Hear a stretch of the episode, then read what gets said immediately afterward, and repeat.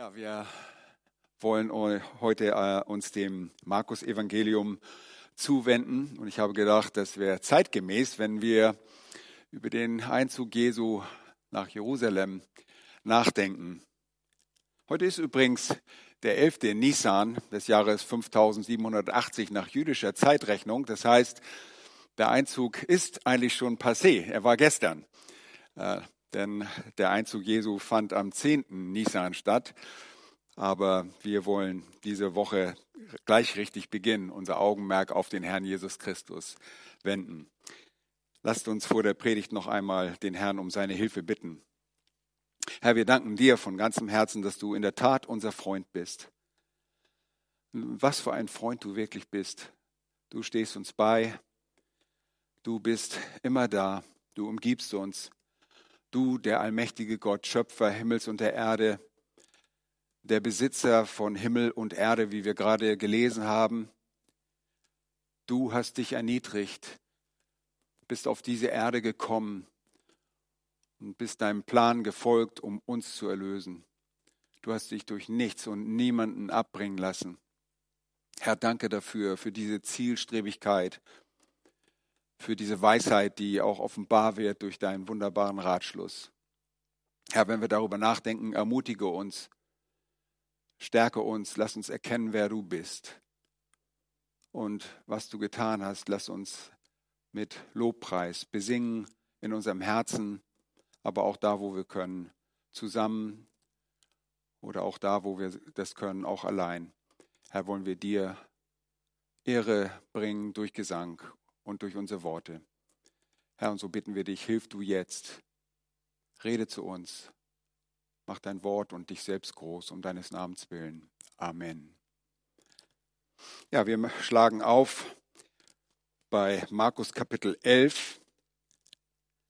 Und äh, Markus 11, die Verse 1 bis 11, lese ich aus der Schlachter 2000 Übersetzung vor.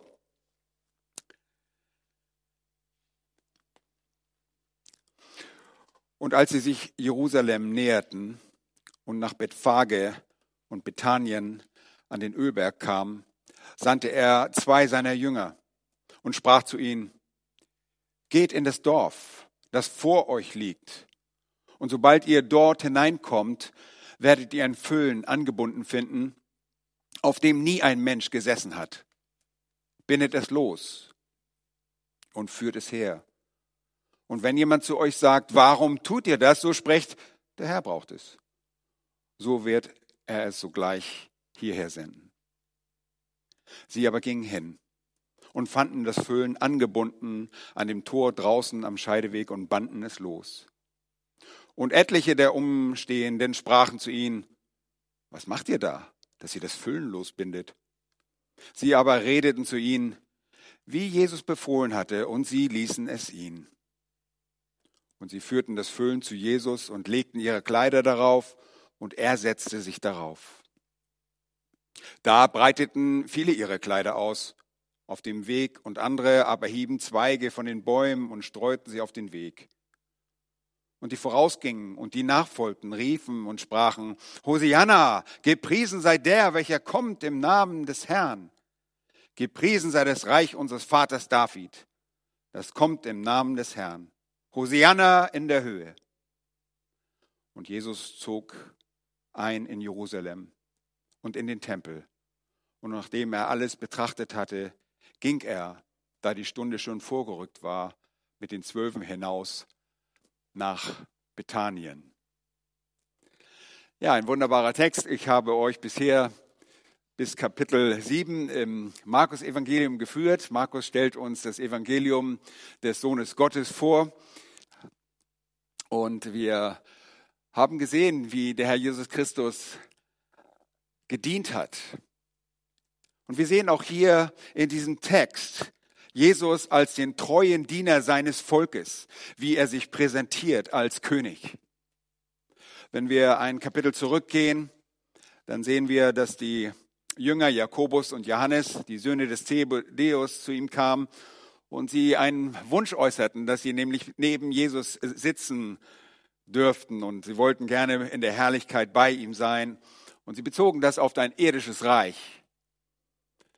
Sie gingen davon aus, dass er das Reich herstellen würde und sie neben ihm sitzen dürften. Und es ging zwischen den Jüngern oft darum, wer die Herrschaft, wer der Größere sein würde. Und Jesus gibt ihm ein Beispiel und sagt, und ermahnt sie und sagt, wer unter euch in Vers 43, wer unter euch aber soll es nicht so sein, sondern wer unter euch groß sein will, der sei euer Diener. Und wer vor euch der Erste werden will, der sei aller Knecht. Denn auch der Sohn des Menschen ist nicht gekommen, um sich dienen zu lassen, sondern um zu dienen und sein Leben zu geben als Lösegeld für viele. Nun, Jesus macht es sehr deutlich. Die wahre Größe unter den Jüngern Jesu ist derjenige, der dient, so wie er auch gedient hat. Und Daniel hat uns gerade gelesen, was Abraham sagte. Er bezeichnete, Abraham bezeichnete ihn, den Herrn, Jahwe. Und das ist unser Herr Jesus Christus, Jahwe. Er ist jedes Mal erwähnt im Alten Testament, wenn dort das Wort Jahwe steht. Der dreieine Gott ist unser Herr Jesus Christus. Er ist Gott. Er ist der Besitzer Himmels und der Erde. Aber er kommt hier in Demut. Denn Jesus sagt, auch der Sohn des Menschen, eine Bezeichnung seiner Erniedrigung, seiner, seiner Niedrigkeit, seiner Demut.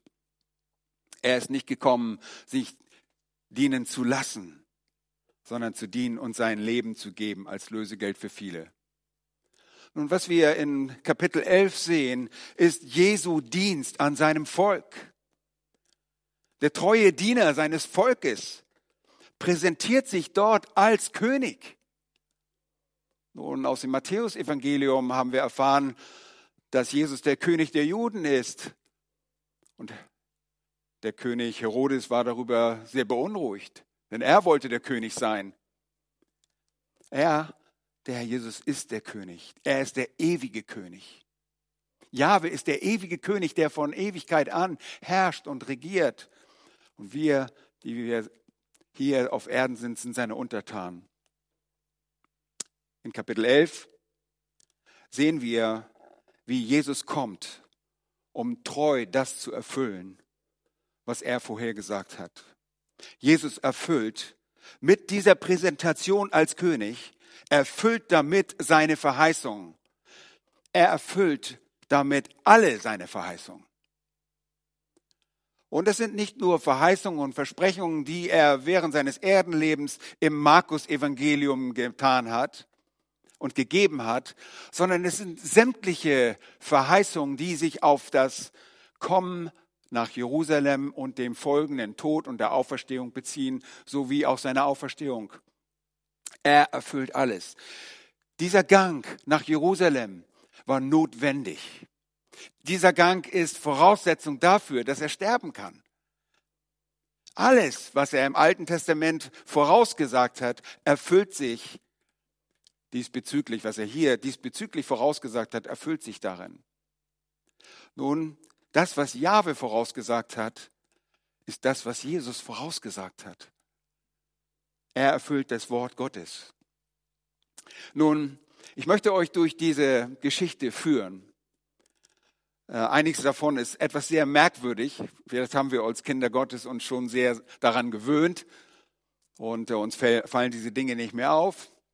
Aber Jesus war gerade noch in Perea und in Judäa, tat seinen Dienst und kam sechs Tage vor dem Passa nach Bethanien.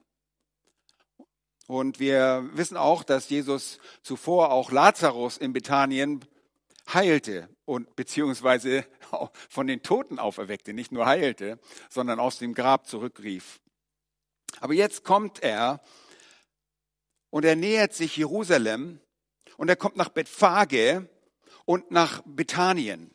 Bethphage und Bethanien zwei Ortschaften, die hinter dem Ölberg östlich von Jerusalem liegen, auf der Gegenseite. Das alte Bethphage und Bethanien liegen auf der Seite hinter dem Öl, über, über der Spitze. Und äh, Bethphage ist das Haus der unreifen Feigen. Bethanien, das ist die Bedeutung, das Haus der Armut oder des Elends. Nun, in Bethanien hatte der Herr Jesus seine Freunde, Martha, Maria, und auch Lazarus. Und jetzt näherten sie sich Jerusalem. An diesem Ölberg. Und der Ölberg ist deshalb so genannt, weil dort Olivenbäume waren und aus diesen Früchten dieses Baumes äh, stellt man auch heute noch Olivenöl her. Sehr einfach zu merken. Und er kommt über diesen Spitze und er nähert sich Jerusalem. Und er fängt auf einmal an, Jünger, und zwar zwei seiner Jünger auszusenden und spricht zu ihnen, geht in das Dorf, und das ist wahrscheinlich Bethphage, das vor euch liegt. Und sobald ihr dort hineinkommt, werdet ihr ein Füllen angebunden finden, auf dem nie ein Mensch gesessen hat. Und man fragt sich, was hat er vor? Was will er tun? Warum schickt er jetzt diese Männer los? Und warum schickt er sie los, um dieses Füllen zu holen? Nun, ich möchte gleich darauf aufmerksam machen, dass es nicht nur das Füllen einer Eselin waren, sondern die Eselin auch. Und wenn ihr zu Matthäus geht und es dort diesen Bericht euch anschaut, Matthäus 21, die Verse 2 und 5, dann sehen wir, dass diese Jünger losziehen und nicht nur das Füllen der Eselin holen, sondern auch die Eselin, die Mutter selbst. Das Füllen ist das Fohlen, ist das Junge einer Eselin. Und diese Eselin wird normalerweise, diese junge Eselin, das Füllen wird bis zu einem Alter von zwei Jahren nicht geritten. Und wir können nichts über das Alter aussagen. Tatsache ist, dass dieses Füllen noch bei der Mutter war. Bei der Stute, bei der Eselsstute. Und Matthäus achtet da auf diese Kleinigkeiten, während Markus sich auf das Füllen, auf dem Jesus reitet, sich konzentriert, auf dem nie zuvor jemand gesessen hatte. Nun, sie nehmen sie beide. Und es gibt auch einen sehr guten Grund dafür. Und ich habe sogar Eselologie studiert in diesen Tagen. Ich habe mich ein bisschen damit beschäftigt, über das, was über Eselzucht gesagt wird. Und diese Füllen der Esel sind sehr störrisch manchmal, wie das überhaupt über, von Eseln ausgesagt wird. Aber ein junges Füllen ist manchmal nicht so begeistert vom Gehen. Es könnte faul sein, es könnte sich nicht bewegen wollen. Und so ist es sehr wichtig, dass die Mutter an der Seite geht. Und ich gehe davon aus, dass deshalb die Mutter mitgehen musste, weil Jesus nicht nur einen Füllen einfach nur mitnahm und darauf reiten wollte, sondern weil dieses Füllen auch von einer riesigen Menschenmenge umgeben war. Und ein Eselfüllen dadurch sehr leicht desorientiert oder durcheinander gebracht werden konnte. Und so war es gut, dass die Mutter vielleicht ein paar Schritte vorausging und das Eselfüllen diesen, dieser Mutter folgen konnte. Und Jesus setzte sich darauf. Und er sagt, Jesus geht hin und holt euch dieses Füllen. Und die Mutter, ich wiederhole das jetzt nicht immer, ich bleibe bei diesem Text. Und er sagt, bindet es los und führt es her. Und wenn jemand zu euch sagt, warum tut ihr das, so sprecht, der Herr braucht es, so wird er es sogleich hierher senden. Sie aber gingen hin. Ihr Lieben, diese Jünger waren nicht so wunderbar im Wort Gottes, dass sie sofort verstanden, oh ja, die Esel füllen, das ist ja eine Verheißung. Die Erfüllung von Sacharja 9, Vers 9. Nein, schlagen wir mal auf zusammen Johannes 12 und Vers 16. Da sehen wir, dass äh, Johannes dort in Vers 14 sagt, Jesus hatte einen jungen Esel gefunden und setzte sich darauf, wie geschrieben steht, fürchte dich nicht, Tochter Zion, siehe, dein König kommt, sitzend auf dem Füllen einer Eselin. Nun, hier ist eine Erfüllung einer biblischen Prophetie, wortwörtlich. Vers 16, dies verstanden aber seine Jünger anfangs nicht. Doch als Jesus verherrlicht war, da erinnerten sie sich, dass dies von ihm geschrieben stand und dass sie ihm dies getan hatten. Hier ist der Schreiber, Johannes.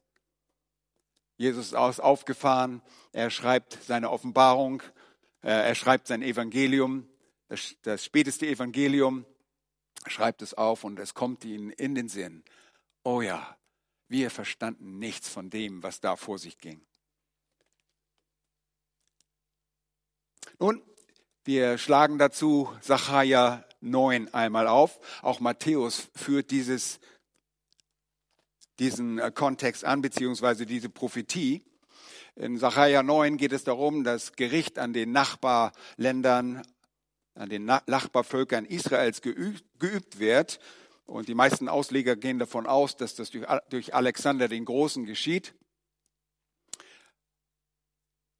der das, äh, von dem das 200 Jahre bevor er seine Feldzüge bis auch nach Palästina führt, dies alles aufgeschrieben wurde.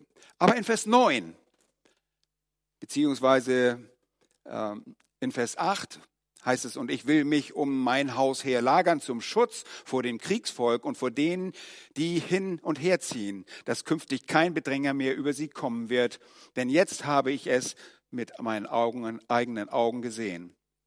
Frohlocke sehr, du Tochter Zion, jauchze du, Tochter Jerusalem.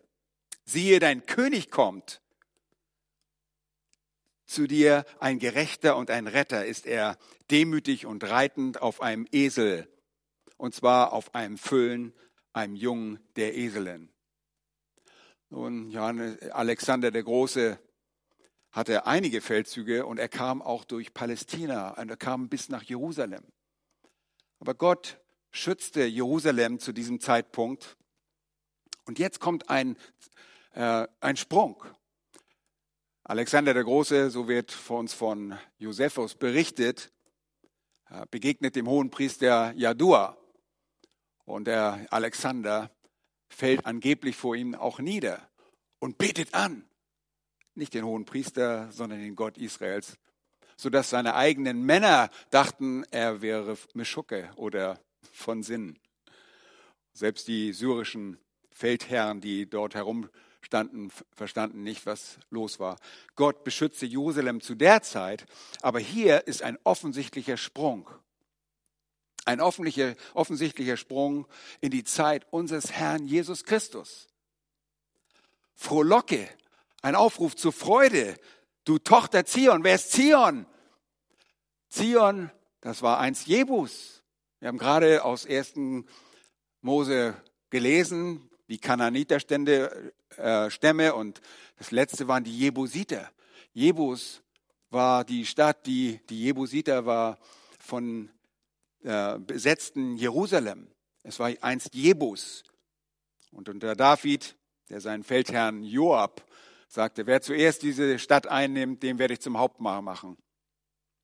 Und es wird zu Zion. Es wird die Burg Zion. Und hier wird diese Burg Zion personifiziert und sie wird der Inbegriff für Jerusalem und alle, die dort wohnen. Zion, jauchze, du Tochter Jerusalem siehe, dein König kommt. Seht ihr, hier geht es um den König. Und der König Jesus, der ist von Ewigkeit her der ewige König. Er kommt. Und wie kommt er? Er kommt zu dir.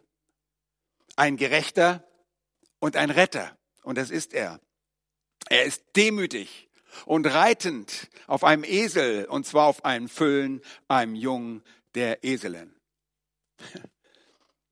Wie viel deutlicher kann man das machen, als das, was jetzt geschieht? Jesus geht gezielt und er dient treu seinem Volk und stellt sich als der König seines Volkes dar. Paulus sagt später, in Römer Kapitel 15, dass Jesus ein Diakonos der Beschnittenen wurde, um der Wahrhaftigkeit Gottes willen. Er ist wahrhaftig. Das, was er zusagt, hält er gewiss. Hier in Sacharja 9 wird es vorausgesetzt, er kommt. Genau auf diese Art und Weise kommt er. Und es erfüllt sich an diesem Tag in Jerusalem. Jesus erfüllt damit diese Verheißung. Nun, das ist nicht die einzige Verheißung, die er erfüllt. Jesus gibt Verheißungen während seines Erdenlebens Wir sind da noch nicht angekommen. In Markus Kapitel 8 sehen wir die erste Leidensankündigung. In Kapitel 8, Vers 31 heißt es, und er fing an zu lehren, der Sohn des Menschen müsse viel leiden und von den Ältesten und den obersten Priestern und Schriftgelehrten verworfen und getötet werden und nach drei Tagen wieder auferstehen. Und diese Verheißung bezieht sich auf sein Kommen nach Jerusalem. Und er sagte zu diesem Zeitpunkt auch, dass er nach Jerusalem gehen würde. In Kapitel 9 der zweiten Leidensankündigung lesen wir in Vers 30, und sie gingen von dort weg und zogen durch Galiläa, und er wollte nicht, dass jemand erfuhr, dass er, denn er lehrte seine Jünger und sprach zu ihnen, der Sohn des Menschen wird in die Hände der Menschen ausgeliefert, und sie werden ihn töten. Und nachdem er getötet worden ist, wird er am dritten Tag auferstehen. Wo? In Jerusalem. Das seht ihr auch in Matthäus 26 und Markus 14 nochmals sehen wir, dass er nach Jerusalem kommt. Aber auch Kapitel 10 in der dritten Leidensankündigung lesen wir Vers 32. Sie waren aber auf dem Weg und zogen hinauf nach Jerusalem. Egal woher man kommt, man zieht aufgrund der Anhöhe, der Topografie des Landes, man zieht hinauf nach Jerusalem. Und Jesus ging ihnen voran und sie entsetzten sich und folgten ihm mit Bangen. Und dieses Bangen ist da, weil, sie, weil Jesus mit Zielstrebigkeit ging. Und Jerusalem war immer eine Gefahr. In Jerusalem wollten sie ihn steinigen. Und ich erinnere mich an eine Begebenheit, wo Thomas, der sonst eigentlich nur als der Zweifler bekannt ist, gesagt hat, lasst uns mit ihm ziehen und dort sterben. Jerusalem war immer die Gefahr. Und so waren sie voller Bang. Dann nahm er die zwölf nochmals beiseite und fing an, ihnen zu sagen, was mit ihm geschehen würde. Siehe, wir ziehen hinauf nach Jerusalem und der Sohn des Menschen wird den obersten Priestern und den Schriftgelehrten ausgeliefert werden und sie werden ihn zu Tode verurteilen und ihn den Heiden ausliefern. Und sie werden ihn verspotten und geiseln und anspucken und ihn töten und am dritten Tag wird er auferstehen. Seht ihr, Jesus hat hier seinen eigenen Plan, seinen eigenen Zeitplan und erfüllt genau das. Kommen nach Jerusalem ist eine Erfüllung seiner Verheißungen, seiner Versprechen, die er den Jüngern gegenüber macht. Und er hat seinen eigenen Zeitplan. Oftmals wollten die Pharisäer und Schriftgelehrten und auch die Herodianer ihn umbringen. Aber Jesus, so heißt es, seine Stunde war nicht gekommen. Mehrmals hieß es, seine Stunde war nicht gekommen. Und dann lesen wir in Markus 14, als es noch zwei Tage war, 14 Vers 1, es waren aber zwei Tage vor dem Passa und dem Fest der ungesäuerten Brote und die obersten Priester und Schriftgelehrten suchten, wie sie ihn mit List ergreifen und töten könnten. Sie sprachen aber nicht während des Festes, damit kein Aufruhr unter dem Volk entsteht. Nun, jetzt, sagte Jesus, jetzt werde ich sterben. Und dazu musste er nach Jerusalem kommen. Und alle Verheißungen, die er macht bezüglich seines Todes, ob wir die Stellen aus dem Jesaja-Buch lesen, Kapitel 53, Bezug auf den Knecht, den leidenden Knecht, er erfüllt sie, indem er nach Jerusalem kommt. Nun, Jesus offenbart sich hier als König. Worin sehen wir das in dem Text? Lasst uns zurückgehen zu Kapitel 11. Und da lese ich weiter. Sie gingen und fanden das Füllen angebunden an dem Tor draußen am Scheideweg. Dort gab es vielleicht eine Weggabelung. Aber ein Tor eines Hauses ging oft auch in einen Hof hinein, aber es ging zu der Straße hin und sie banden es los. Beide Tiere und etliche der Umstehenden sprachen, was macht ihr da, dass ihr das Füllen losbindet? Was tun sie? Sie berichten ihnen genau, was Jesus sagte und ihnen befohlen hatte, und sie ließen es ihnen. Und sie führten das Füllen zu Jesus und legten ihre Kleider darauf und setzten, und er setzte sich darauf. Jesus ist proaktiv. Er unternimmt diesen Ritt nach Jerusalem. Und ein Tier, das noch nicht beritten war, wurde oft bei den Juden für heilige Zwecke vorbehalten. Das sehen wir im Alten Testament, ob sie eingefahren werden mussten. Tiere, die noch nicht eingefahren würden, die einen Wagen zogen, sollten für heilige Zwecke nicht vor einen Karren gespannt werden und auch nicht beritten sein. Das sehen wir bei, bei Stieren oder bei ähm, Rindern, so wie bei Maultieren und äh, eben auch bei diesem Esel. Es war ein ganz besonderer Zweck. Und das Auflegen von Kleidung, Stücken auf einen Esel und das äh, Abhauen von Zweigen, die man auf die Straße vor diesem König niederlegte oder vor Jesus niederlegte, zeugt davon, dass er König ist, dass sie ihn als solchen anerkannten. Und die vorausgingen und die Nachfolgenden riefen und sprachen Hosianna, was so viel wie bedeutet, rette jetzt, rette, was später einfach nur ein Lobpreis wurde, ein Wort für, das Lob, für den Lobpreis. Aber Hosianna wurde auch gesungen. Dieses Hosianna äh, kommt auch im ägyptischen Hallel vor, in einem der Psalmen des ägyptischen Hallels. Das ist der Psalm 118. Das ist ein Zitat, Vers 26. Hosianna, gepriesen sei der, und das ist hinzugefügt, das Reich unseres Vaters David, das kommt im Namen des Herrn Hosianna in der Höhe. Nun, hier spricht er auf einmal von dem Reich. Und das Reich deutet sehr deutlich darauf hin, dass es hier sich um einen König handelt. Hier äh, reist nicht nur ein Rabbi nach Jerusalem, so wurde Jesus gesehen, hier reist der König der Könige nach Jerusalem und stellt sich als solcher vor. Nun, der treue Diener seines Volkes präsentiert sich und er erfüllt alle seine Verheißungen. Aber er tut mehr als das. Er präsentiert sich damit als das makellose Opferlamm. Nun, hier heißt es in den Versen, da bereiteten viele ihre Kleider aus und auf dem Weg, andere hieben Zweige von den Bäumen und streuten sie auf den Weg. Und die vorausgingen und die nachfolgten riefen und sprachen, Hosianna gepriesen sei der. welcher kommt im Namen des Herrn. Gepriesen sei das Reich unseres Vaters, das kommt im Namen des Herrn. Hosianna in der Höhe.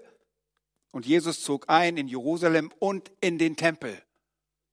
Nun, hier präsentiert sich der König, aber er präsentiert sich auch an einem ganz bestimmten Tag. Dieser Tag des Einritts ist der zehnte Nisan, ursprünglich Abib.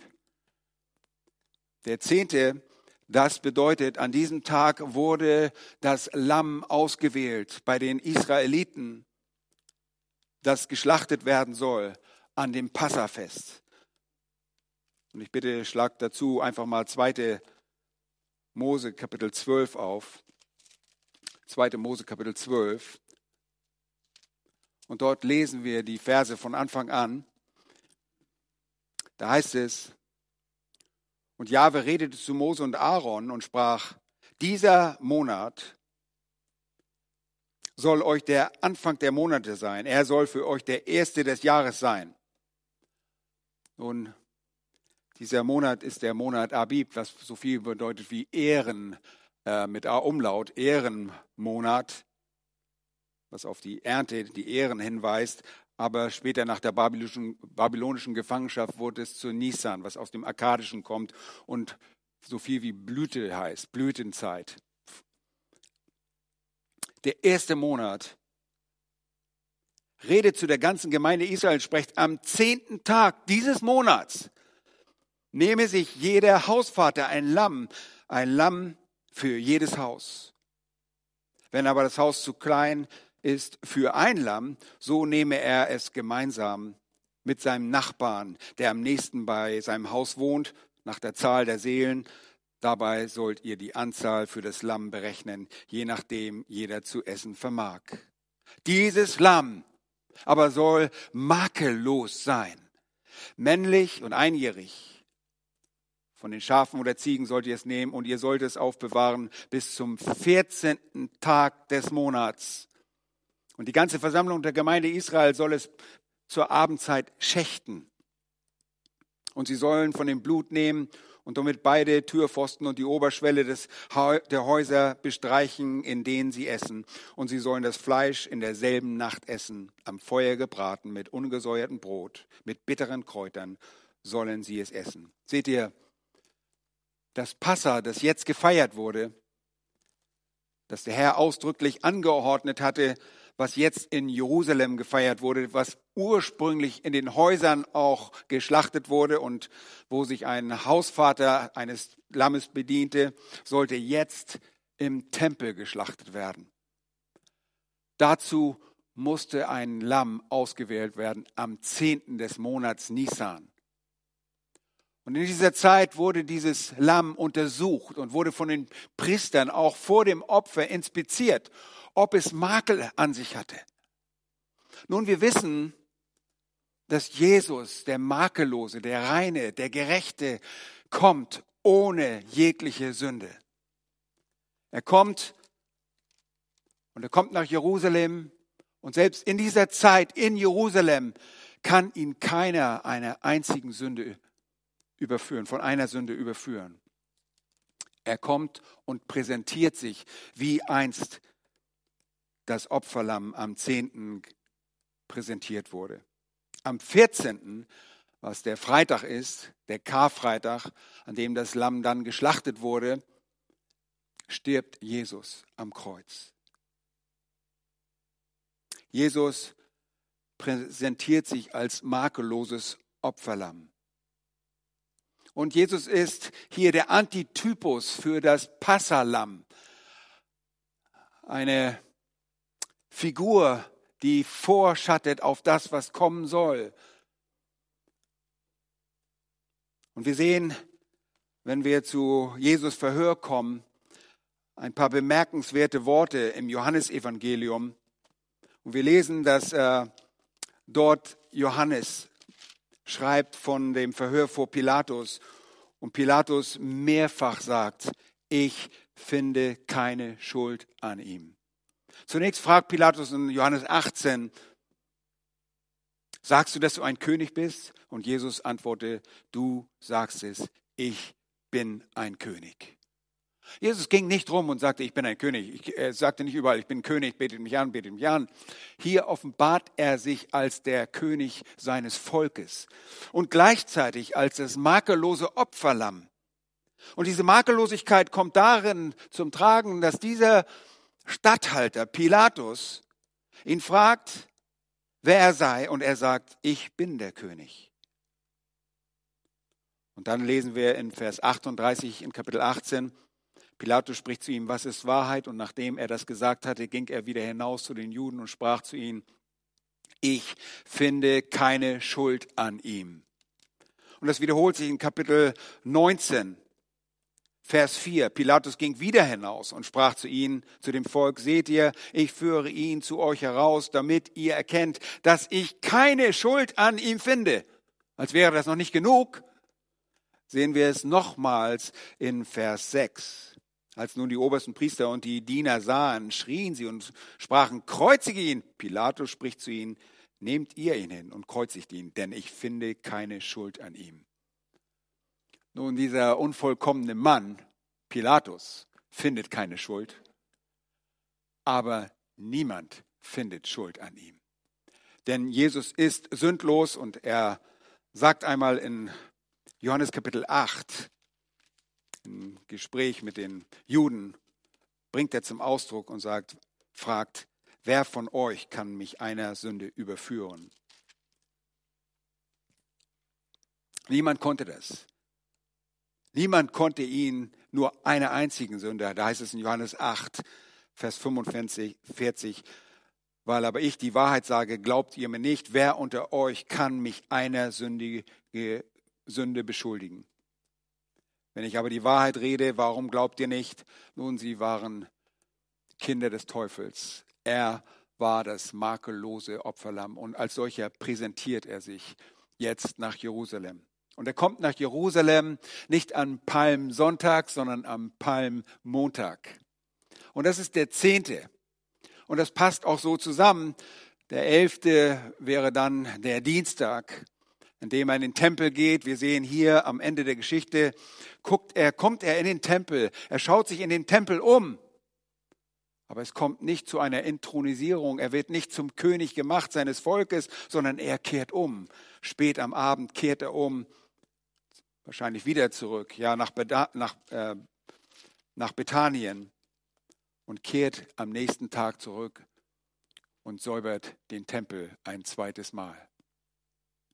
Er, das reine Lamm Gottes, sieht die Unreinheit im Tempel, in dem Haus seines Vaters, das das Bethaus sein sollte. Er offenbart sich hier als das makellose Opferlamm.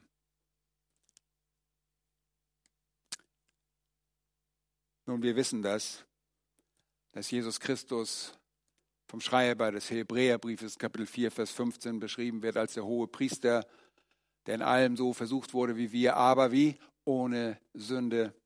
Johannes sagt im ersten Johannesbrief Kapitel 3, Vers 3, dass wir uns reinigen, wenn wir eine Hoffnung auf sein Kommen haben, dass wir uns reinigen, wie er rein ist. Er ist das reine Opferlamm. Der Herr Jesus hat sich nichts zu Schulden kommen lassen. Er war wahrer Gott und wahrer Mensch und blieb rein. Nun, wenn wir hier weitersehen, sehen wir, dass das Volk sehr begeistert ist. Und ihr Lieben, ihr könnt euch das nicht vorstellen, was dort in Jerusalem los war während dieser Zeit. In 5. Mose 16, 16 befiehlt der Herr, dass äh, alles Männliche dreimal im Jahr zu den Festen kommen sollte. Und dazu gehörte natürlich dieses Passa. Und das war ein ähm, ganz besonderes Passafest, weil auf den Freitag, den 14. folgte der Sabbat, ein hohes Fest. Aber dieses Fest wurde von sehr vielen Juden besucht.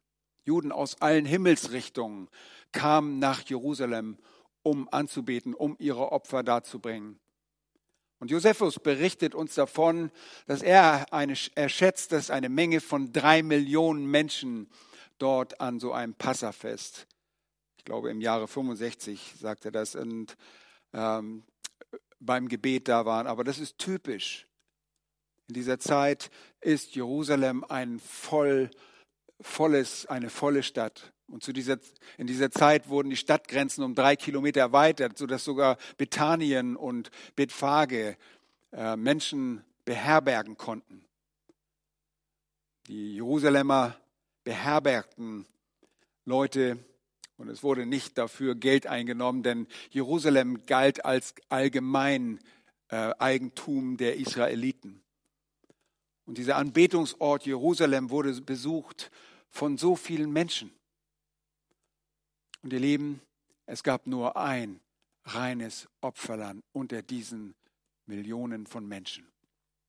Nun, Josephus berichtet auch von über 250.000 Opferlämmern, die geopfert werden an diesem Tag, beziehungsweise an zwei Tagen. Und ich muss euch das kurz sagen. Es gab zwei Kalender und auf Gott in seiner Providenz, in seiner Vorsehung sorgte dafür, dass es zwei Kalender gab. Es gab einen Kalender der Zeitrechnung im Norden Israels, in Galiläa und der Umgebung, der den Tag, den 14. mit dem Morgen beginnen ließ. Mit dem Sonnenaufgang bis Sonnenuntergang. Das war der 14. Die Juden im Südreich, beziehungsweise um Jerusalem und die Aristokraten die Sadduzäer, die Hohenpriester, sie hielten dazu, dass der Tag begann mit dem Abend, mit dem Sonnenuntergang. Und der Tag ging vom Sonnenuntergang bis zum Sonnenuntergang. Und so hat Gott in seiner Vorsehung dafür gesorgt, dass es zwei Tage gab, an denen diese Opfertiere geopfert werden konnten. Könnt ihr euch vorstellen, eine Viertelmillion Schafe die, oder Lämmer, die geopfert werden sollen? innerhalb einer kurzen Zeit von nur zwei Stunden.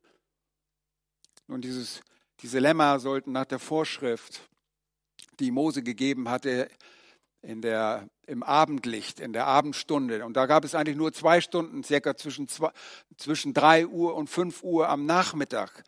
Und um sechs Uhr war es dunkel, dann musste das alles abgeschlossen sein und die Leute mussten zu Hause sein. Dann begann der Sabbat. Und deshalb konnte Jesus auch am Tag zuvor mit seinen Jüngern das Passa zusammen essen, das sie schon geschlachtet hatten. Sie kamen aus Galiläa, alle Jünger kamen aus Galiläa, mit Ausnahme von Judas Ischariot. Und sie rechneten den Tag von morgen bis morgen und konnten so das, Sabbat, das, das Passalam einen Tag zuvor feiern. Durch die, diese Verteilung, die sich ungefähr 50 zu 50 aufteilte, war es möglich, dass diese Opferlämmer innerhalb von vier Stunden anstatt von zwei Stunden, weil es auf zwei Tage verteilt wurde, geopfert werden konnte. Und es war eine blutige Angelegenheit. Das Blut floss bis in das Kidrontal. Also äh, diese Lämmer, wie wir gerade auch gelesen haben, wurden geschächtet. Das heißt, sie bluteten aus. Jesus ist der Antitypus für dieses Passalam. Wir werden am Freitag noch darüber reden. Am Freitag werden wir über, am Karfreitag werden wir über seinen Tod sprechen. Dass er, das Lamm Gottes, dem auch keine Knochen gebrochen werden durften, auch ihm wurde seine Beine nicht gebrochen in Erfüllung dieses, dieses, Anti, dieses Typus des Passalammes. Nun, wir sehen in unserem Text eine aufgebrachte eine, eine freudige Menge von Menschen zum Teil. Und es waren die Jünger, so sagt uns einer der Evangelisten, die anfingen, diese Dinge zu sagen von Jesus. Die Initiative kam von all seinen Jüngern, nicht nur die zwölf, sondern all die Jünger Jesu fingen an, ihn zu loben. Als er an den Abhang kam des Ölberges, fingen sie an, ihn zu loben. Und die ganze Stadt kam in Aufruhr. Und ihr könnt euch vorstellen, was für ein Gedränge, wenn sich die Stadt der, von, der, von den Einwohnern, von der Einwohnerzahl auf einmal verzehnfacht oder verhundertfacht. Ja, es, äh, es gibt Schätzungen, dass äh, Jerusalem nur 25.000 Einwohner hatte. Ich weiß nicht, ob das ein bisschen niedrig gegriffen ist. Aber ihr könnt euch vorstellen, einfach eine volle Stadt.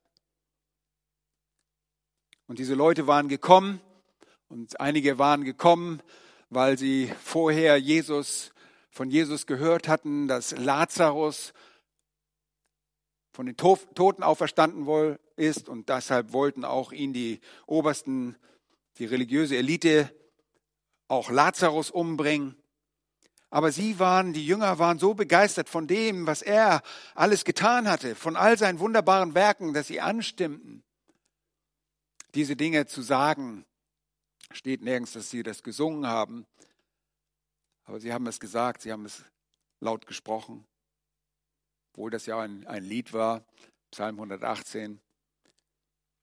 Und so kommen sie und Jesus geht bis in den Tempel.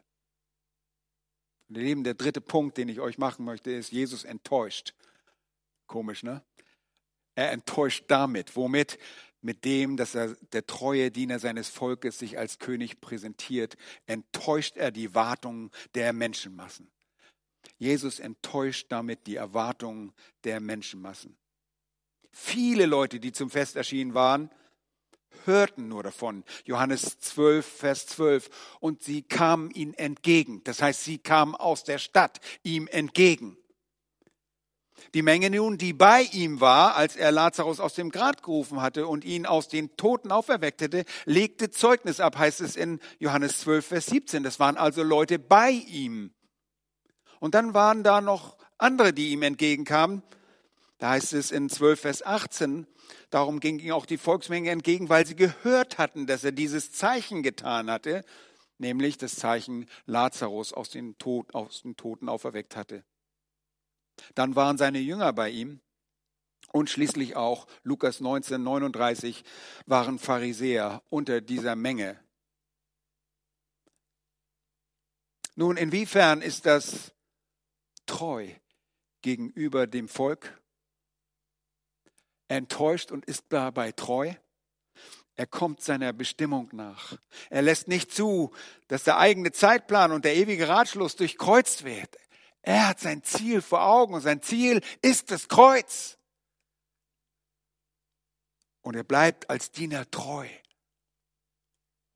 Zuvor schon, und ihr erinnert euch, bei der Speisung der 5000 oder nach der Speisung der 5000 zieht sich Jesus zurück, als er erfährt, dass sich die Menschenmasse ihn mit Gewalt zum König machen wollte.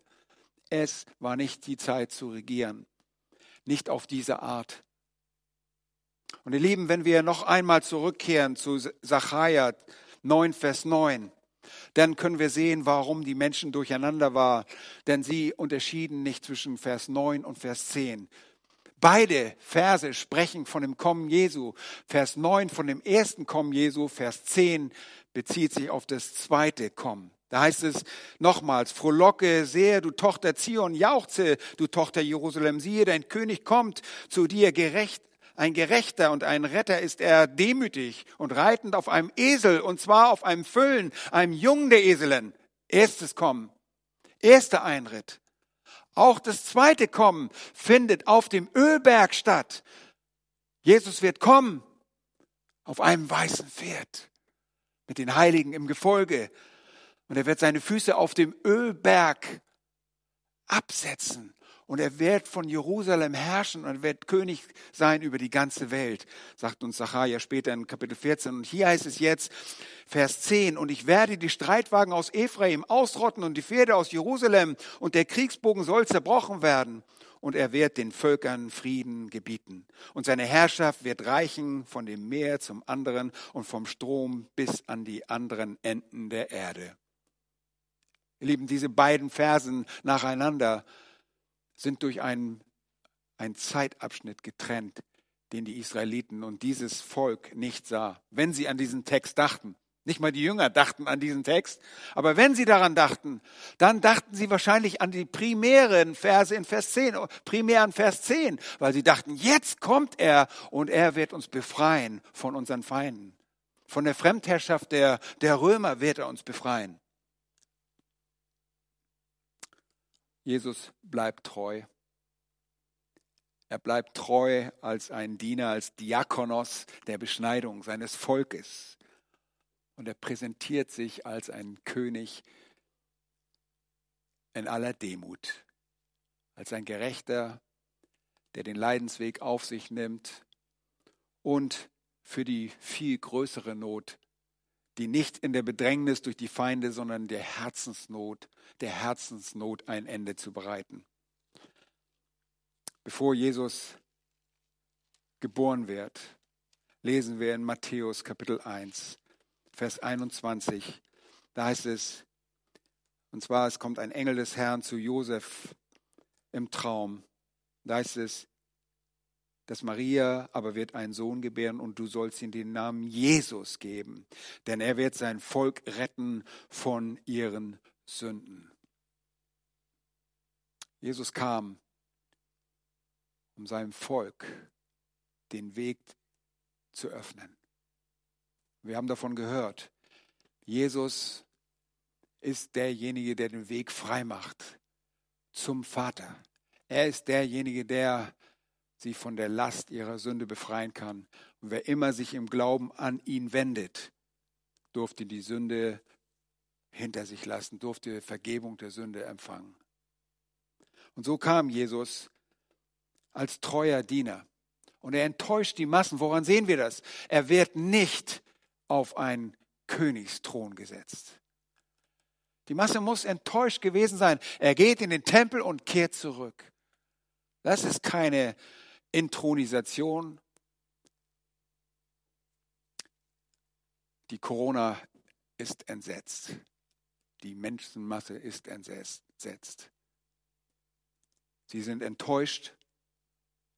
Sie sind leer. Und das sehen wir vier Tage später. Und wir sehen deutlich, wie sich auf einmal eine angebliche Liebe und eine Begeisterung für den König der Könige wie sie umschlägt. Ich habe schon gelesen, als er vor Pilatus war, sagten nicht nur die obersten Priester und die Diener kreuzige ihn, sondern das ist das, was das Volk auch sagt. Kreuzige ihn, kreuzige ihn, kreuzige ihn. Immer wieder hören wir diese Worte, sie wiederholen sie. Und Pilatus möchte Jesus eigentlich von alleine lassen, aber er ist auch nur ein, ein Halbstarker und er möchte nicht, dass, sie möchten, die Juden möchten nicht, dass sie Barabbas freigeben, sondern sie wollten, dass Jesus gekreuzigt wird. Sie wollten Barabbas frei haben, aber nicht Jesus. Ihr Lieben, eine umschlagende Menschenmasse, die hier angeblich den Herrn anbetet, aber weil sie nicht bekommen, was sie wollen, schlicht es um in Enttäuschung.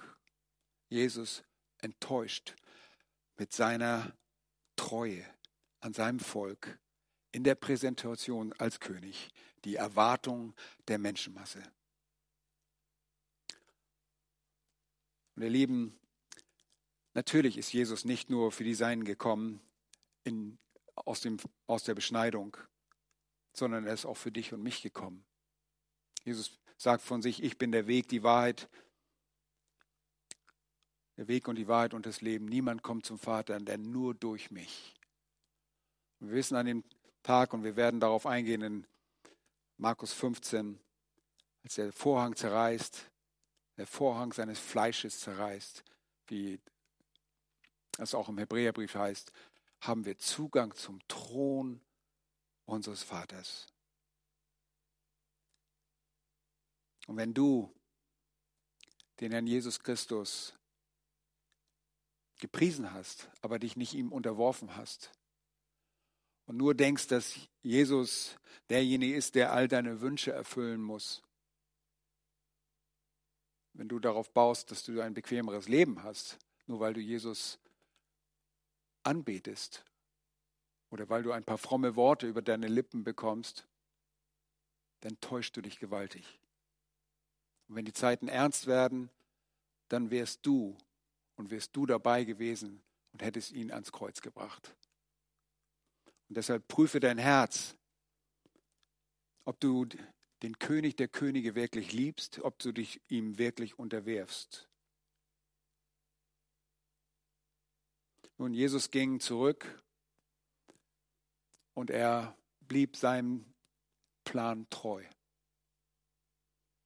Er geht am nächsten Tag nach Jerusalem, kehrt den Tempel aus, die Händler dort, ähm, die Pilger, die nach Jerusalem kamen, kamen mit Fremdwährungen, mussten teilweise Opfertiere kaufen und all das geschah im Tempel, im Vorhof des Tempels, dem Vorhof der Heiden.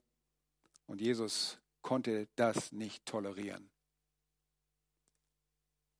Er wird eine wunderbare Ölbergrede halten am Mittwoch und am Donnerstag feiert er mit seinen Jüngern das Mahl des Herrn. Das Passa wird zum Mahl des Herrn. Und er weist sie darauf hin, dass die Symbole von Brot und Wein neue Bedeutung kommen, bekommen werden, denn er wird sterben. Und am Freitag stirbt er am 14. Nisan. Und er erfüllt damit alle Schrift. Aber er bleibt nicht im Tod, sondern wie er gesagt hat, steht er wieder auf. Und auch das werden wir nächsten Sonntag hören. Wir werden uns freuen über die Auferstehung, über das leere Grab. Jesus, der treue Diener seines Volkes. Lasst uns ihn als den König anbeten, als den, der sich als das makellose Opferlamm erwiesen hat, das sehen wir auf den Seiten der Schrift. Und auch wenn er Menschenmassen enttäuscht hat, dann waren es Menschenmassen, die entweder später das vom Wort Gottes überführt wurden oder Menschen, die seine Feinde waren. Lasst uns zusammen beten. Herr, wir danken dir von ganzem Herzen für dein Kommen.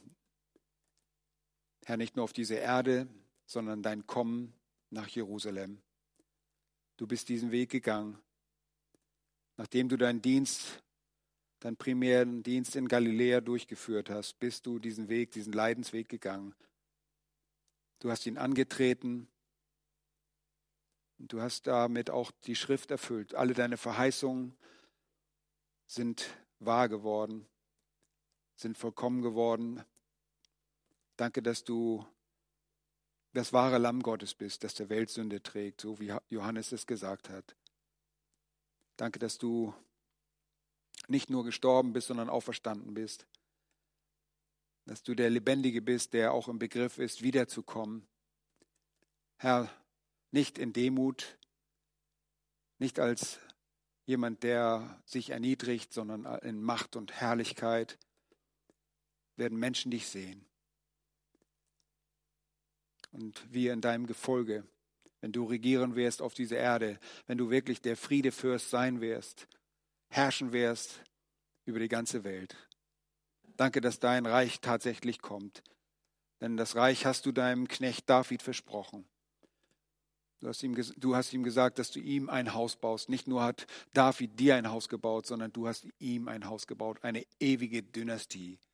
Ein Reich, das kommen wird, hier auf dieser Erde. Danke, du bist in der Tat der König, der kommen sollte, der alleinige König. Anbetung sei dir in Jesu Namen. Amen.